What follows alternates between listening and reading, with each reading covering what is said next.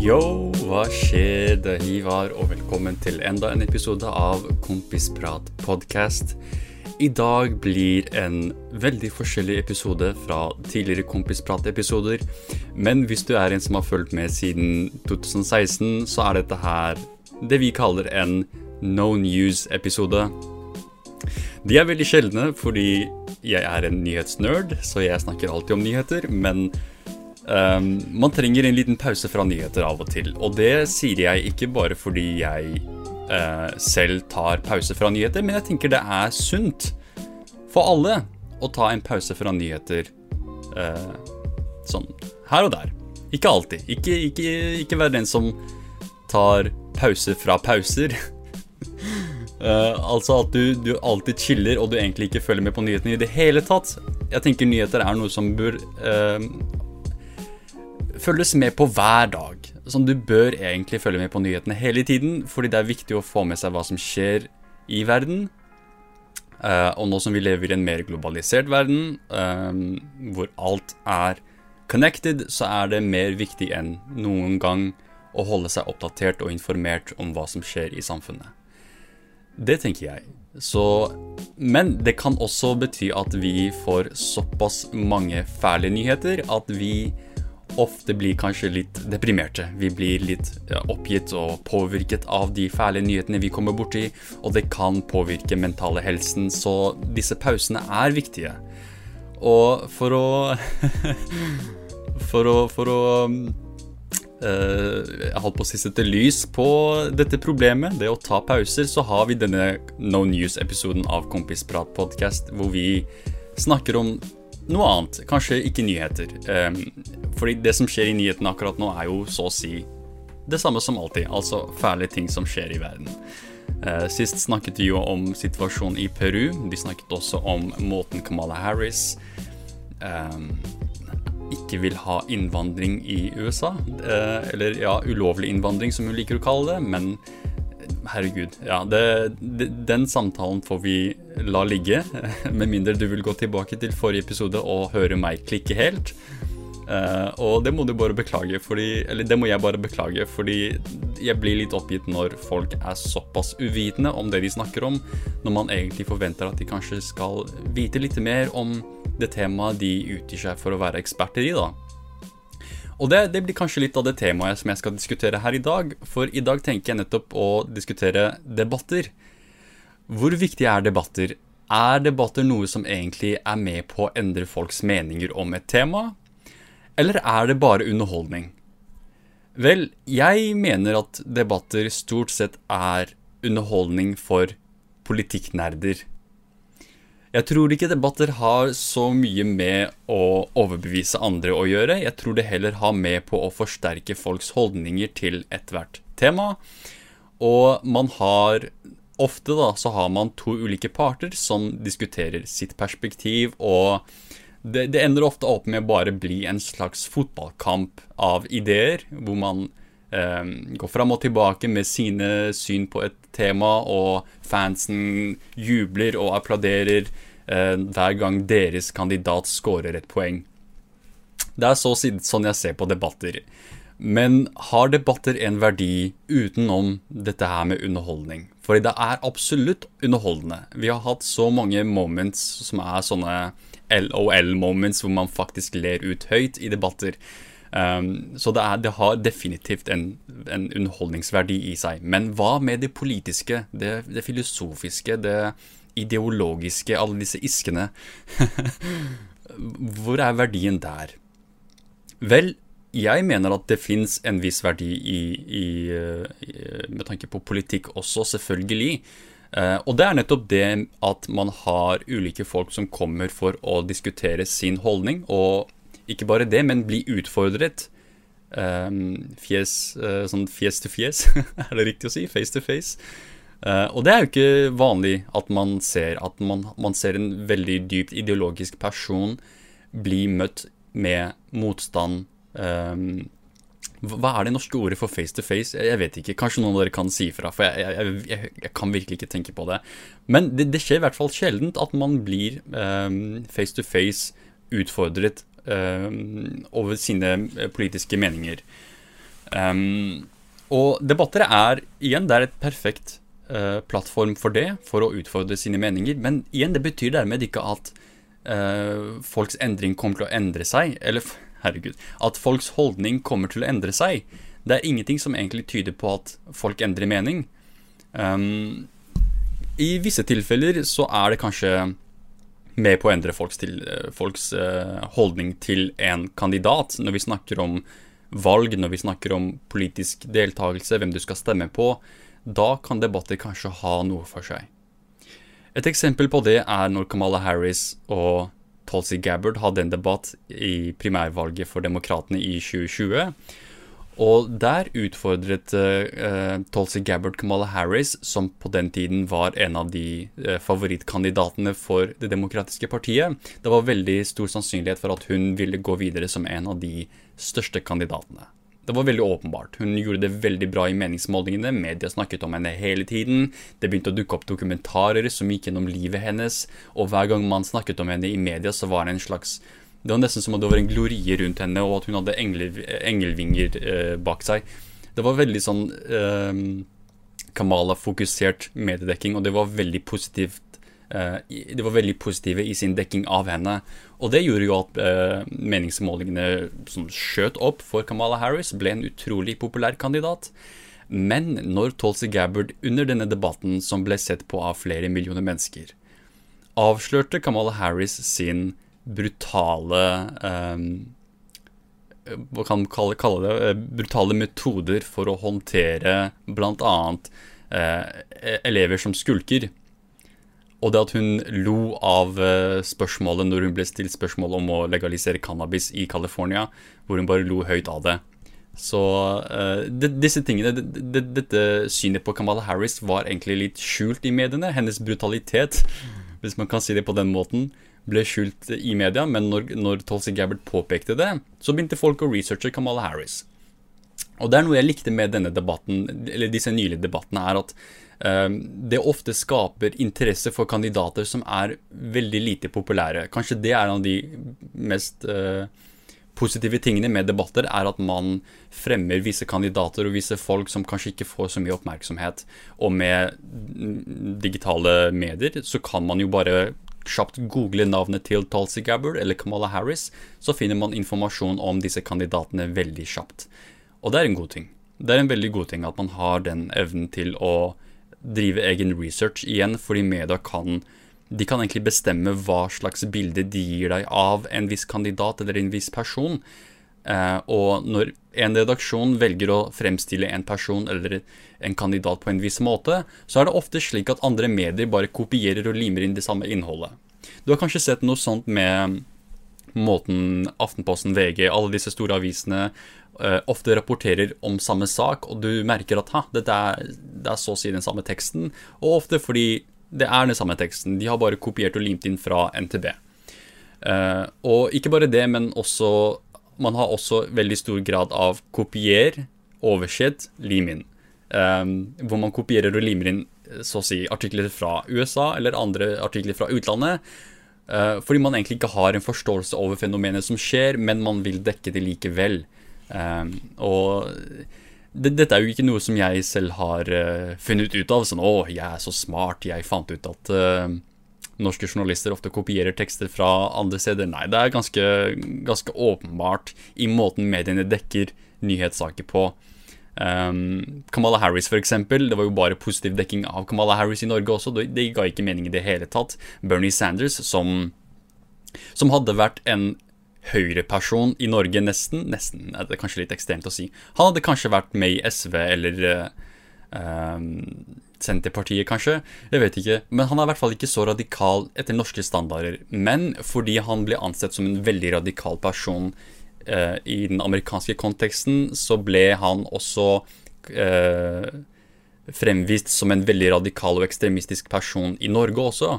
Så mange av de mer ekstreme, radikale lefty-folka i Norge begynte å heie på Bernie Sanders fordi de tenkte ja, hvis han er radikal der, så må han kanskje også være radikal her. Nei, ikke egentlig. Bernie er egentlig veldig konservativ på eh, en del ting som vi, vi, i Europa her da anser som uh, en høyrelent ståsted. Er, det jeg prøver å si, er at vi er mye mer høyre, nei, venstrelente enn Bernie Sanders, enn demokratiske sosialister i USA generelt. Vår definisjon av hva det vil si å være en venstreperson og en høyreperson, er så annerledes enn i USA. Uh, og det er også en ting som jeg vil uh, nevne senere med tanke på denne debattgreiene, og hvor, hvorvidt det er Det har noe verdi i seg. Uh, men et, ja, sånn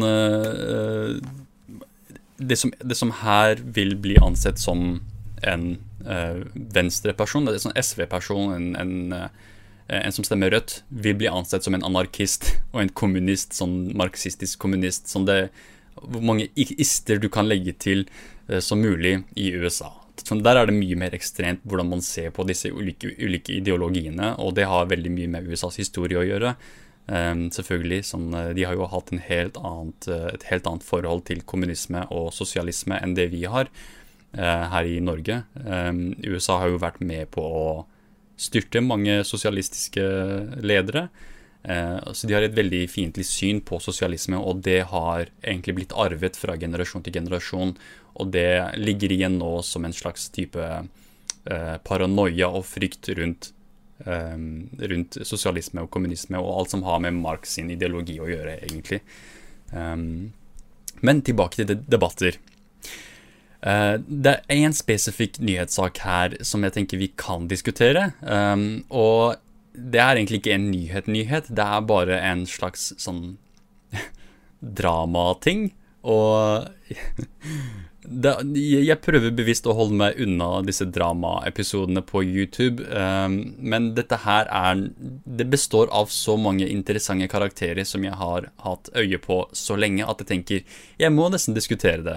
Og igjen, det, går, det har noe med denne debattingen å gjøre. Og det, jeg kommer til storyen etter hvert, men jeg må, jeg må først bare forklare situasjonen. Så i USA så har man noe som heter Politicon. Det er så å si det samme som Comic-Con for politikknerder. Så på samme måte som du har disse anime- og gaming-nerdene som møter opp i Comic-Con, kler seg ut, møter sine favorittkarakterer, favorittskuespillere, eh, tar bilder Så har man det samme med politikknerder, eller politikk-communityet i USA. Eh, og med det mener jeg at man møter opp, man møter alle disse kommentatorene, disse politiske kommentatorene, du møter kanskje noen favorittpolitikere. Eh, du møter andre folk som også er politisk engasjerte. Du, du, får være med på disse panelsamtalene hvor du kan høre mange av dine uh, politiske idoler snakke om ethvert tema. Og ofte så har politikerne disse debattsituasjonene uh, hvor de har debatter mellom ulike interessante karakterer innenfor politisk kommentator-communityet. Og man har hatt veldig mange interessante lineups av debattanter. Man har f.eks. hatt Ann Coulter, som er en svært, svært konservativ eh, person eh, i USA, som debatterer med Anna Kasparian fra The Young Turks, som er en svært, svært progressiv person. Så det blir egentlig to motsatte folk som kommer og debatterer og utfordrer hverandre. Og det, det, fører igjen, med tanke på underholdningsverdien av debatter, det fører til så mye morsomt og så mange moments som er skikkelig sånn burns og snap og alt det der. Men um, igjen, jeg tror ikke de er med på å overtale publikum eller overbevise noen som helst. Det tror jeg ikke. Um, man hadde det samme med Dinesh D'Souza, som var en Han var dømt, han var han satt i fengsel eh, som hadde en debatt med eh, Cenk Uger, som er eh, også fra The Young Turks, og også en veldig progressiv person. Og i selv den debatten tenker man Denish D'Souza er jo en kriminell person, så han skal man åpenbart latterliggjøre, for han er en person som ikke har noen moraler i det hele tatt. Mens Cenk Ugur er jo Han har jo ikke Han har aldri begått en kriminell handling i det hele tatt, som uh, han har blitt dømt for. Um, men likevel så var det slik at Jenk fikk mye boos og du suger, mens Dinesh D'Souza fikk sånn unaturlig mye applaus, og folk kom senere og sa at Dinesh D'Souza hadde veldig mange gode poeng. Uh, men, hvis, men, igjen, det har, det har, noe med det faktum at mange av de som var i publikum, og mange av de som kommenterte om dette her, hadde allerede et syn på Jane Cougar, altså at de ikke likte han. Og de mente at Dinesh D'Souza gjorde det riktige fordi de kanskje er på høyresiden, og Dinesh D'Souza er en person som fremmer disse narrativene, disse standpunktene til høyresiden.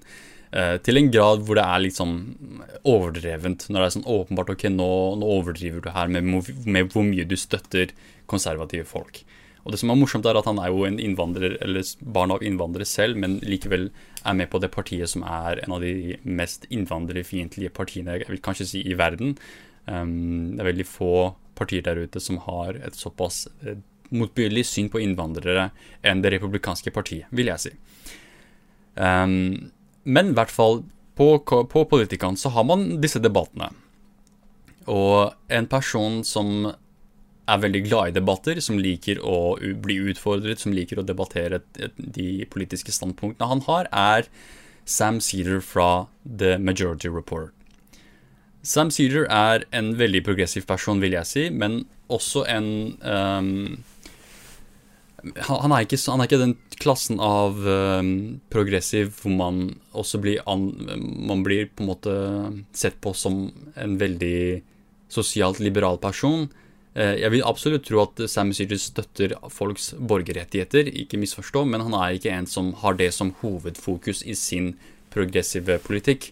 Med, det er mer av den uh, troen på staten som en institusjon, og det å ha et legitimt demokrati eh, og økonomisk politikk som er til det beste for alle, for de vanlige folka. da. Så på den måten det er det som er liksom hovedfokuset hans i hans progressive ideologi. Og det er det inntrykket jeg har fått av å se på eh, mange av showene hans. Jeg er jo en stor fan av The Majority Report. Um, det, det, ja, det, det, har absolutt vært en innflytelse på, uh, på, meg, spesielt med Michael Brooks, som også er en av de mine helter innenfor politisk kommentatormiljø. han, som, han var jo en av de eneste som dekket internasjonale saker på en veldig eh, god måte og veldig ærlig måte. Um, og det, det syns jeg var utrolig hjelpsomt, for jeg gjorde jo det samme bare fra et norsk perspektiv. Um, men det var, det var, alltid godt å se at ah, det er ikke bare jeg som bryr meg om disse tingene som skjer i utlandet, men det er mange folk der ute som også jobber hardt med å prøve å informere folk om disse tingene som ofte blir ignorert av mediene ellers. Um, så absolutt, Majority Report har hatt en stor innflytelse på min ideologi. Så i, i, under Politikan så hadde Sam Syder planlagt en debatt med en person kalt Steven Crowder. Steven Crowder, for de som ikke vet det, han, han, kan kanskje virke som en slags YouTuber, men han er absolutt ikke det. Det er ikke det hans origin story er. Steven Crowder han, han, liksom, han har vært med i dette miljøet så lenge. Så lenge som jeg kan huske. Så når jeg først begynte å bli politisk interessert, så var Steven Crowder allerede en figur i dette miljøet. Uh, men det er veldig mange folk som nylig har blitt politisk aktive, som nå møter Steven Crowder og sier 'Å, hvem er denne personen?' Og de har dette inntrykket av han basert på hva, hvordan han presenterer seg selv nå. Men uh, for sånne som meg, da, som har lenge visst om han, vi vet hva slags person han er.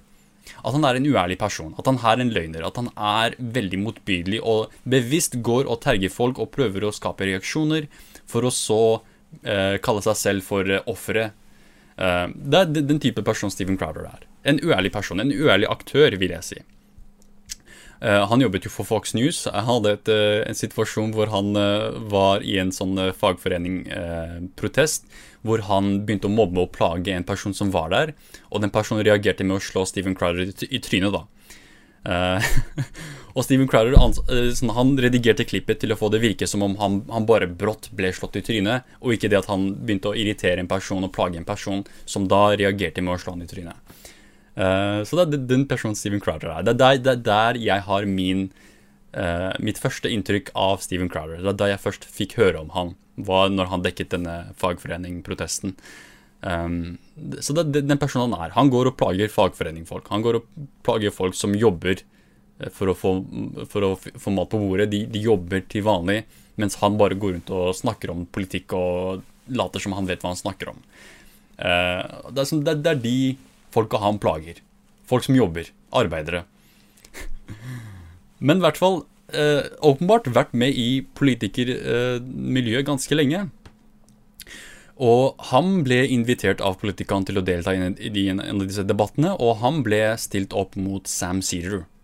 Så de to skulle ha en debatt. Og veldig mange av oss som følger med i dette politiske miljøet, tenkte ja, dette blir interessant. Sånn, kanskje det hadde vært bedre om Sam Seater debatterte med noen som er på hans nivå, men Steven Crowder, ok, greit, vi får se hva Steven Crowder sier. Fordi Steven Crowder hadde jo også bevist seg for å være en veldig uh, irrasjonell debattant. Han ble blant annet utrolig emosjonell og uh, veldig rar i en uh, samtale med Joe Rogan. De snakket om uh, cannabis, og Joe Rogan, som er en stor Som lenge har vært en av de drivende figurene i denne debatten om cannabis, begynte å diskutere cannabis med Steven Crowder, som er veldig imot det.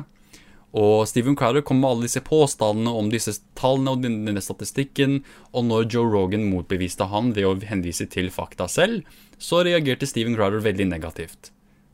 Veldig, veldig negativt. Og du kan sikkert finne disse klippene på YouTube. Eh, hvor han mister vettet helt og blir veldig opprørt og 'Å, jeg mista flyet mitt nå av deg'. Det var en veldig sånn rar måte å reagere på for en voksen mann. Eh, bare, bare det at han ble motbevist. Så allerede da tenkte man ok, kanskje denne personen ikke er så stabil som han liker å fremstille seg selv som. Um, men uansett, Sam Cedar, Steven Crowder, en debatt. Ok, greit. Dette blir interessant. En veldig interessant år for politikken. Men det viser seg at debatten blir avlyst. Og Sam tenker 'hæ, dette var rart', uh, så han ringer politikeren for å få en forklaring. Hva er det som skjer her? Vel, politikeren forklarer at Sam Searer ble um, Ja, eller debatten mellom Sam Searer og Steven Crowder ble avlyst fordi Steven Crowder um, ikke turte å stille opp under debattet. Sånn, I siste liten så bestemte han, han seg for å ikke gjøre dette her. Og det var ikke han som tok denne avgjørelsen, men det var faren til Steven Crowder som sa hei, sønn, dette er kanskje ikke riktig person for deg å debattere. Hvis ikke du klarer å handle, tolerere Joe Rogan sin motstand og hans utfordring, så kommer du ikke til å klare deg med Sam Seater. Det er det jeg tenker var uh, forklaringen sånn faren introduserte dette forslaget om å trekke seg ut. Men uansett hva årsaken var, så trakk de seg ut fra debatten. Uh, og um, denne dama fra Politicon som forklarte dette, dette til Sam Cedar, sa at Steven Crowder fikk cold feet, som de sier det på engelsk. Eh, altså at han ble nervøs i siste, siste liten. Og dette syntes Sam var veldig rart, så han gikk på showet sitt og diskuterte dette her. Han spilte av audioklippet hvor denne dama fra Politicon forklarer dette her, og eh, det startet en slags eh, bevegelse på internett hvor man uh, anklagde Steven Crowder for å være Cold Feet Crowder. Det er da som ble nicknamet hans blant de folka som uh, utfordret han. Og man fikk en ny meme som, som heter Debate Sam, som var spesifikt retta mot Steven Crowder. Så en Steven Crowder-meme hvor, hvor, man kommenterer mot han Debate Sam Cedar. Fordi han nektet å debattere Sam Cedar, så alle på internettet har liksom bombardert han med dette her. og noe som var interessant nylig, apropos debatter, var at H3 hadde en segment på podkasten sin hvor de kom borti Steven Crowder, og de syntes ikke han var en veldig kul person. De syntes han var en veldig fæl person, basert på det, de tingene han, han har gjort eh, i sin karriere. Og mot slutten så sier en av H3H3 sine produsenter fordi de, de, skjønner at Steven Crowder kommer til å se på denne videoen hvor de snakker om han, fordi det er sånn type Steven Crowder er. Han elsker å se på alt som har med han å gjøre. Veldig egoistisk person på den måten. Men i hvert fall, og det, denne produsenten var klar over dette her. Han er klar over at Steven Crowder kommer mest sannsynlig til å se på dette her, fordi det er på H3, en av de største podkastene på YouTube. Um, en av de største kanalene på YouTube. H3 H3 er jo en av de mest legendariske YouTube-kanalene. Og Dan, som er produsenten, Dan sa til Steven Crowder som direkte Debate Sam, bro. Debatter Sam Cedar. Hva er det du venter på? Og reaksjonen var at Steven Crowder utfordret Ethan Klein fra H2H3 til å debattere. Ikke Sam, ikke, ikke Sam Seager. Etter å ha blitt direkte konfrontert av H3 om å debattere Sam. Han gikk ikke sa ok, greit, vet du hva, jeg skal debattere Sam. Nei, nei, nei. Han ville debattere Ethan Klein, som ikke er en politisk person. Jeg er veldig glad i Ethan Klein. Eh, H3H3, Ela Klein og, og hele gjengen bak H3-podkasten også. Veldig kule folk. Men jeg skal være ærlig om at de ikke er politiske folk. De vet De er veldig jeg vil ikke si politisk ignorante, for det blir veldig sånn arrogant av meg å si, men de, de vet egentlig ikke hva de snakker om de, i stor grad når de snakker om politikk. De har veldig overfladisk informasjon om politikken, men herregud, det er jo ikke en politisk show, det er en underholdningsshow hvor de har det moro, hvor de har det gøy. I motsetning til kompisprat, hvor vi bare snakker om politikk. Men, så det er ikke det de eh, søker etter. De, de søker ikke etter et politisk publikum og, og politiske debatter. Men det gjør Steven Crowder det, til daglig så, er, så, driver han med debate meets. Han pleier å gå på universiteter og legge et bord og sier noe absurd og sier 'debatter meg', endre min mening, prøv å endre meningen min.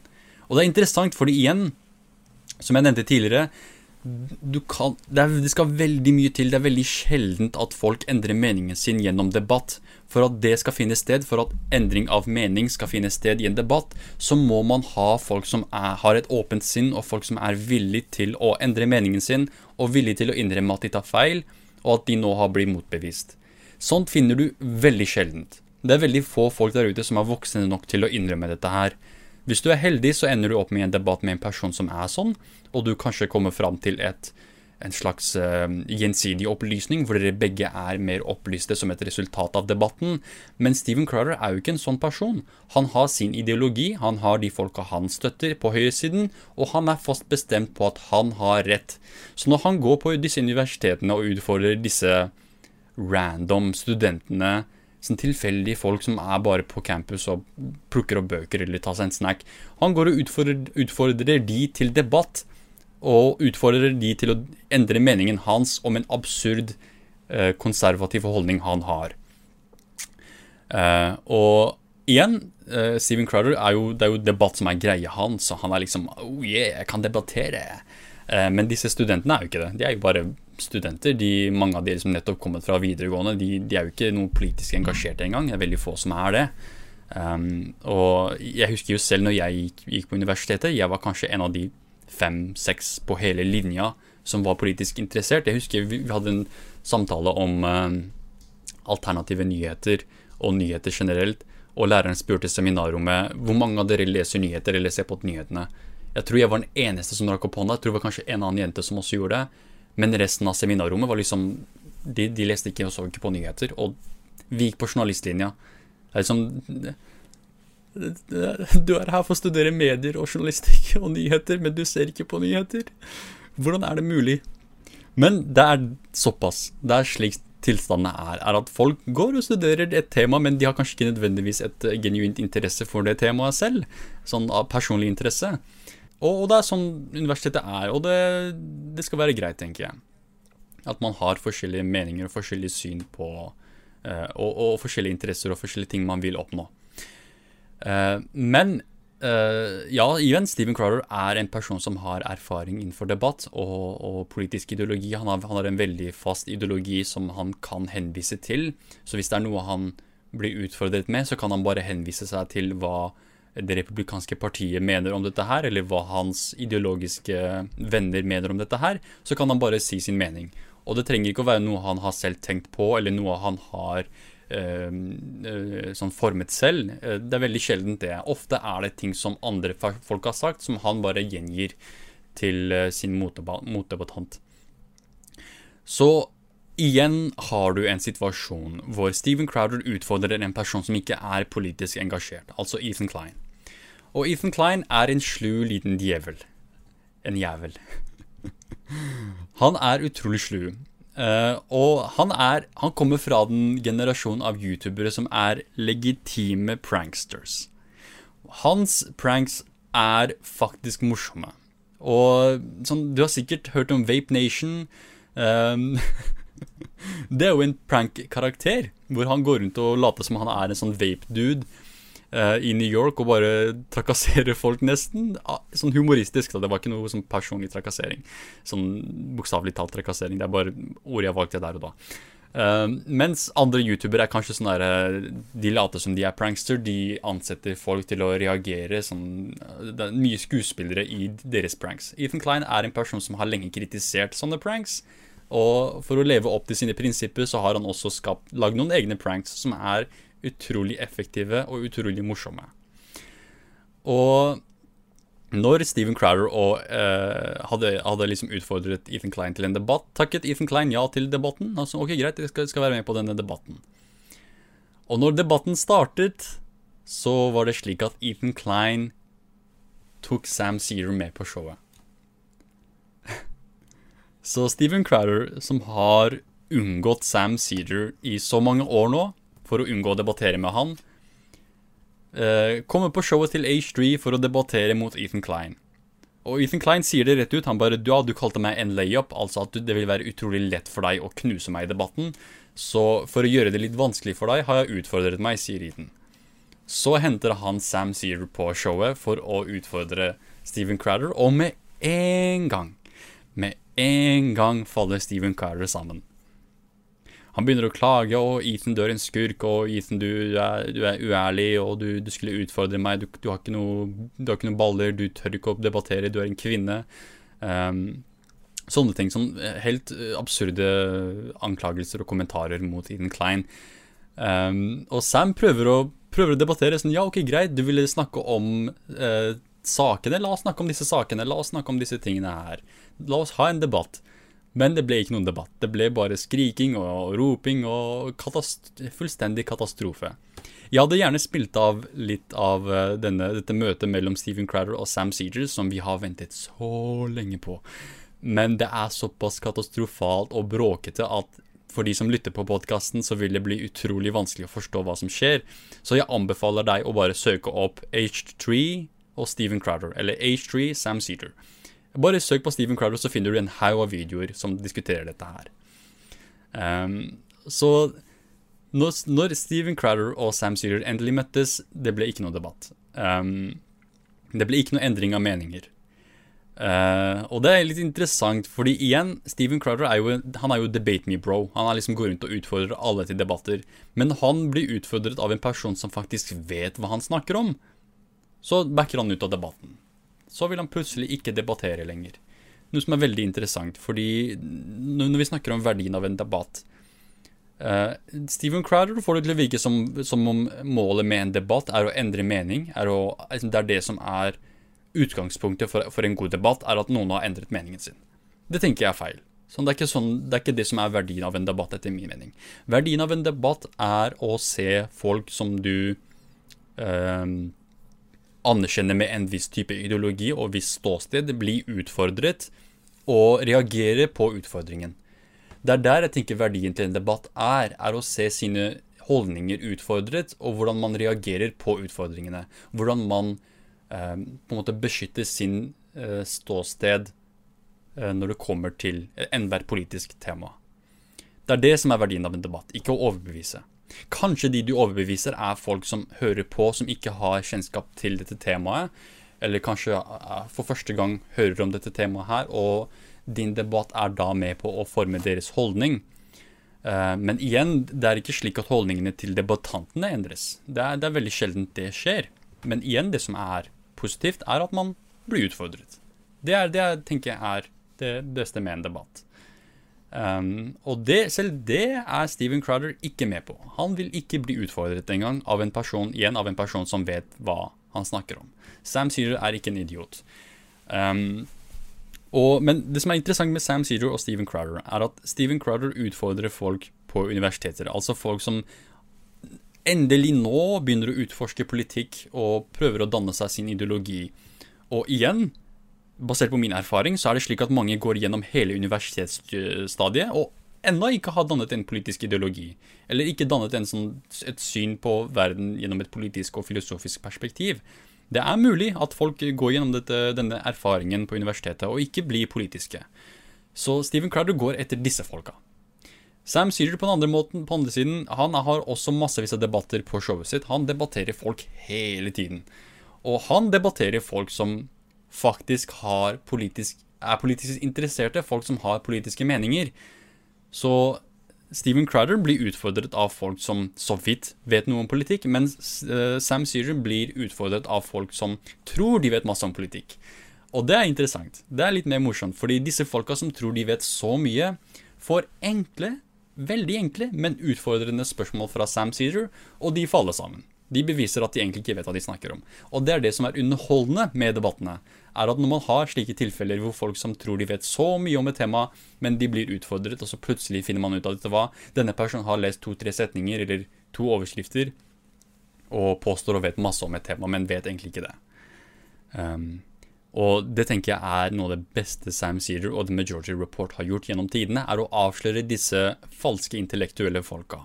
Fordi det er veldig mange av dem, og det er kanskje det som er det mest tristeste med, uh, med at Michael Brooks uh, døde, er at vi mistet en såpass brutal soldat i denne kampen mot falske nyheter og uh, falske pseudo-intellectuals, disse liksom-intellektuelle folka. blant de så har du også ja, Steven Crowder er definitivt en av disse liksom-intellektuelle-folka. Ofte kritisert av The Majority Report. Eh, du har også Dave Rubin. Også en ikke-intellektuell person som fremstår som den mest intellektuelle personen ever. Også brutalt, brutalt avslørt og knust av The Majority Report gang etter gang etter gang.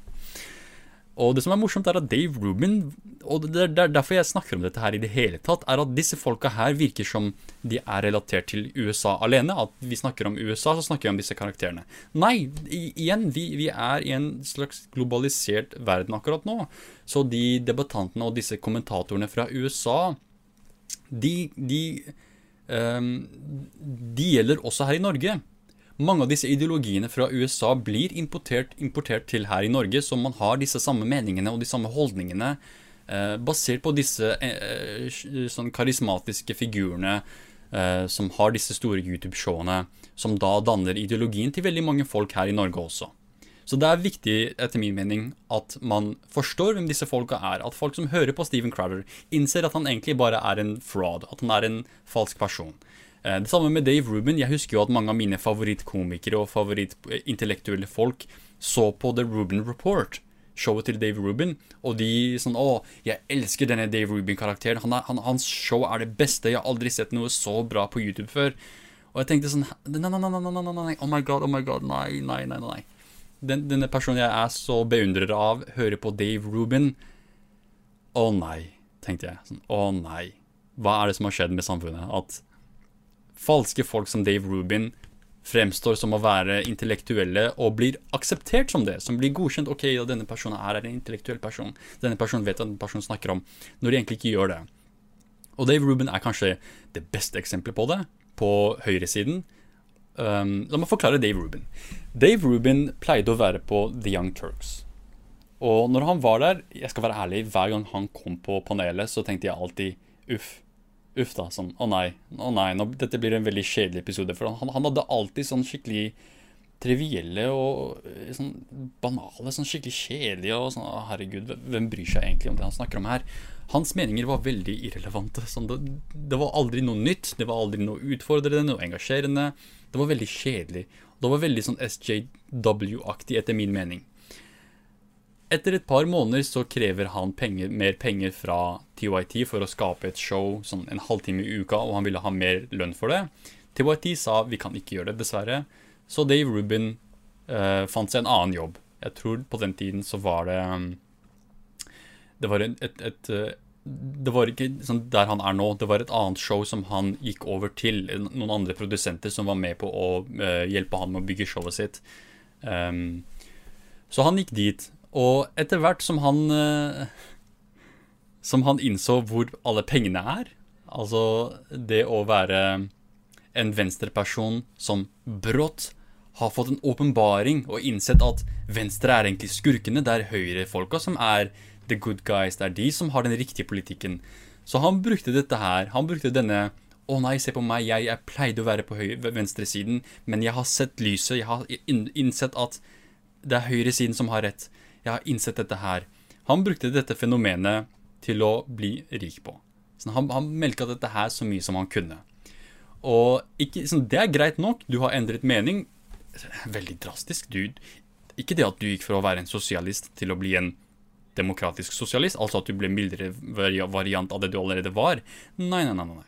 Dave Rubin gikk fra å være en på venstresiden med The Young Turks, som er en svært progressiv kanal. Så han gikk fra å være en progressiv Altså én ting er å være på venstresiden, en annen ting er å være progressiv.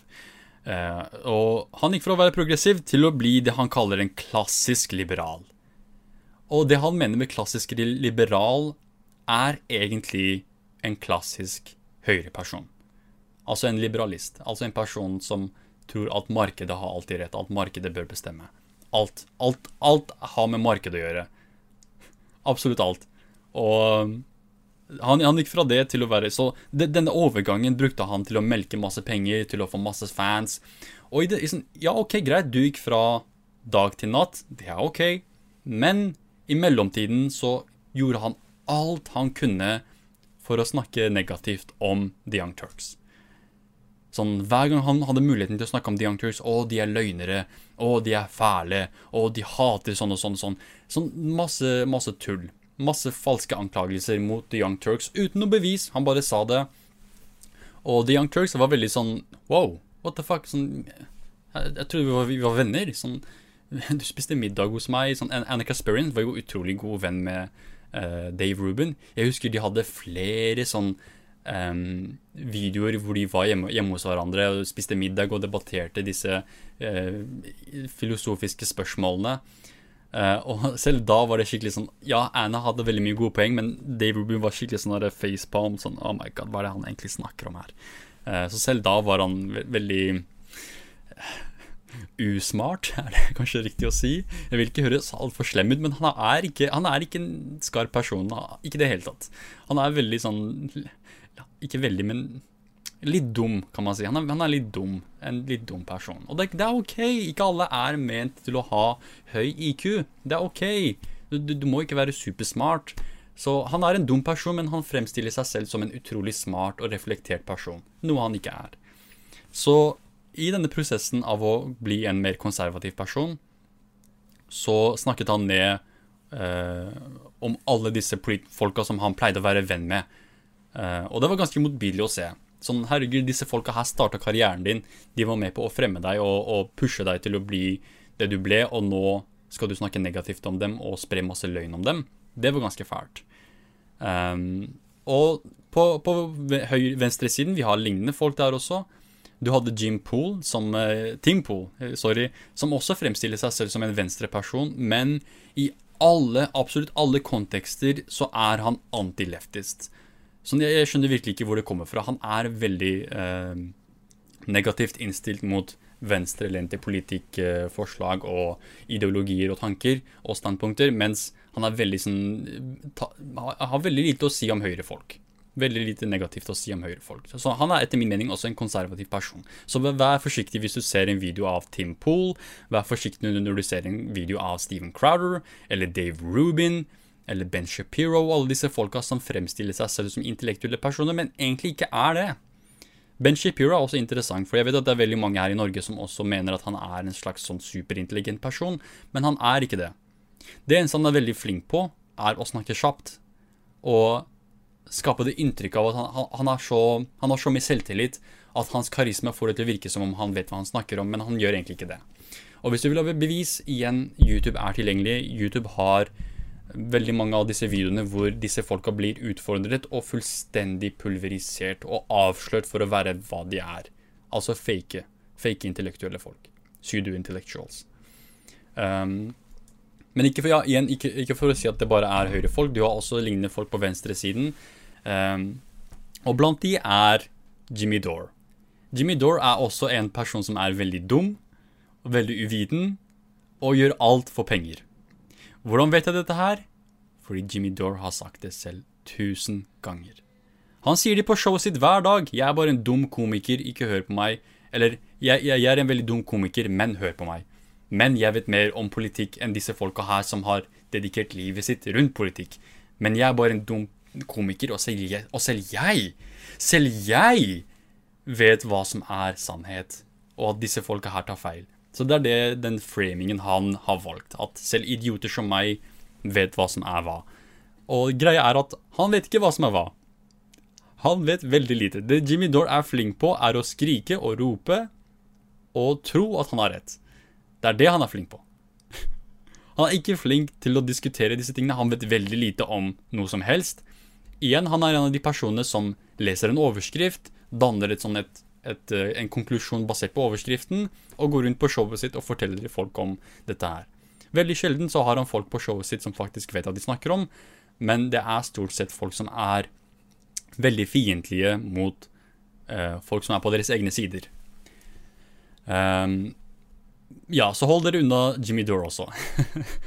men, men, hvem skal vi høre på da, tenker du? Vel, kompisprat er én ting, men vi er jo ikke aktive. Uh, så, så, mye som jeg skulle ønske jeg kunne være. Men Breaking Point, Breaking Points med Sager and uh, Crystal Ball, de er veldig gode å se på. Uh, David Pacman, absolutt veldig, veldig god å se på. Tom Hartman, utrolig fascinerende. Secular Talk med Kyle Kolinski, det burde du sjekke ut. Sam Cedar, The Majority Report. Um, absolutt. Hvis du, hvis du, får tak i mange av de gamle videoene til Michael Brooks, sjekk det ut. Ring of Fire, The Young Turks. Det er veldig mange kilder for progressive nyheter, og som ofte er mer objektive enn de tradisjonelle mediene. Så bare fordi de er progressive, ja, de er ærlige om at de er progressive, men de, de er Jeg vil nok heller si at igjen, basert på norske standarder, så er de kanskje sentrister.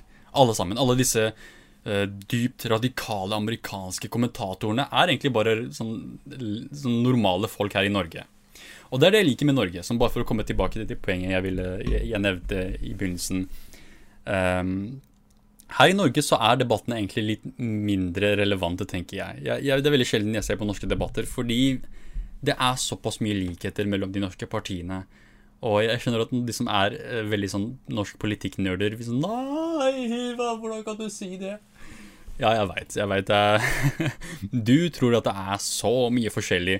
Men når man ser på dette her fra et uh, sånn uh, birdview, fuglesyn, fugleperspektiv, så ser man hvor er uh, Høyre? Støtter de det helsevesenet vi har her i Norge? Støtter de velferdsstaten? Støtter de tanken om at universitetet fortsatt skal være gratis. At eh, Ja, alle, alle, disse tingene, da, som i USA blir ansett som svært, svært sosialistiske ting. Men her i Norge så har man selv folk på høyresiden som mener at dette her er grunnleggende rettigheter eh, for borgere. Så med det, eh, når man tar det i betraktning, så er det veldig mye likheter mellom de norske partiene. Med unntak av visse ekstremistiske partier, og igjen det jeg vil kalle falske intellektuelle folk, som folk som er på Frp. Eh, og noen vil si folk som er på Rødt sin side også, men jeg, har sett veldig lite av faktabenektelse på Rødt sin side. Hvis du har noen eksempler på det, send det gjerne min vei, så kan jeg snakke om det i en annen episode. Men uh, basert på den, uh, den, researchen jeg har gjort, så er det ofte folk som er på høyresiden, altså den radikale høyresiden, som er faktanektere. Som nekter for fakta. Følelser over fakta. Uh, veldig mye av det. Um, men igjen, sånn, herregud, hvis du har noen bevis, send meg gjerne noen eksempler på venstrefolk som også nekter for fakta, som er rett i trynet på dem. Som du viser det sånn Her har du rapporten som sier X, og venstrepersonen bare sier nei, vet du hva, jeg ser rett gjennom rapporten, nei, vet du hva, jeg tror ikke på deg. Det har jeg sett veldig mye med på høyresiden.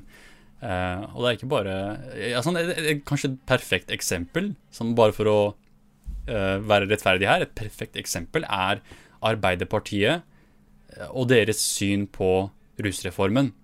De får bevist bevis rett foran trynet sitt, og så sier de til hva? Nei, nei, jeg, jeg, tror ikke på deg. Nei, hasj er dødelig. Sånn, fortsatt sånn idiotiske påstander om rusmidler. Um, men det, det, har kanskje no, det er kanskje ikke det helt det samme, fordi når det kommer til rusmidler, um, så har det heller mer med troen på vitenskap versus troen på fakta generelt. Sånn, akkurat her så er det en veldig sånn form for kognitiv dissonans i, i, blant venstrefolk også. Når det kommer til rusmidler, så ser de rødt. Um, de, de, nekter å se fakta for fakta. Og det har veldig mye med at uh, avholdsbevegelsen har hatt historiske røtter med arbeiderbevegelsen. Fordi hvem er det som ofte drikker mye og sliter med avhengighet? Arbeiderklassen. Uh, og det har vært et veldig stort problem for de, så de har et veldig negativt syn på rusmidler generelt, mer så enn andre folk. Um, så akkurat det er, det er, en veldig sånn spesifikk greie når det kommer til faktanektelse faktabenektelse på venstresiden. Men hvis det, andre, hvis det, er noen andre eksempler, send meg gjerne eksempler, så vil jeg gjerne snakke om det også. Fordi jeg er, jeg er faktisk interessert i å utfordre venstrefolk også. Bare fordi jeg selv uh, har sympati med mange på venstresiden når det kommer til min egen politiske uh, ideologi. Så betyr det ikke at jeg liksom støtter alt som blir sagt av venstrefolk. Jeg sa jo nettopp at jeg syns Jimmy Dore er en motbydelig person, måten han argumenterer på. Um, men uh, ja, så jeg, jeg, jeg, er jo ikke en person som eksklusivt kritiserer høyresiden. Ikke i det hele tatt. Jeg kritiserer alle som jeg mener er verdig kritikk. til, den grad det er, til den grad det er rettferdig å kritisere. Um, men ja, jeg, jeg, håper virkelig dette her var en informativ eh, monolog av meg for å snakke om debatter og verdien av debatter jeg, jeg, føler at ofte så blir um, Så glemmer man egentlig hva debatter egentlig er. Det er underholdning for politikknerder, og la oss være ærlige om at det er det det er. Um, men jeg, jeg, håper i hvert fall at du også har fått litt uh, En liten gjennomgang av kildekritikk for hvem du bør høre på når det kommer til nyheter på internett. Altså hvem du bør holde deg unna, hvem du bør være skeptiske til, versus hvem som kanskje har eh, noen gode meninger, eller som kanskje er ærlige aktører. Det er kanskje det viktigste. At man er ærlig. Som du kan ta feil her og der, men hvis du er ærlig om din eh, ståsted, så tenker jeg at man bør være litt mer åpen for å høre denne personen og, og se hva det er denne personen mener. Så med det vil jeg si takk for at du hørte på. Dette var Hivar, og nå litt heftig musikk.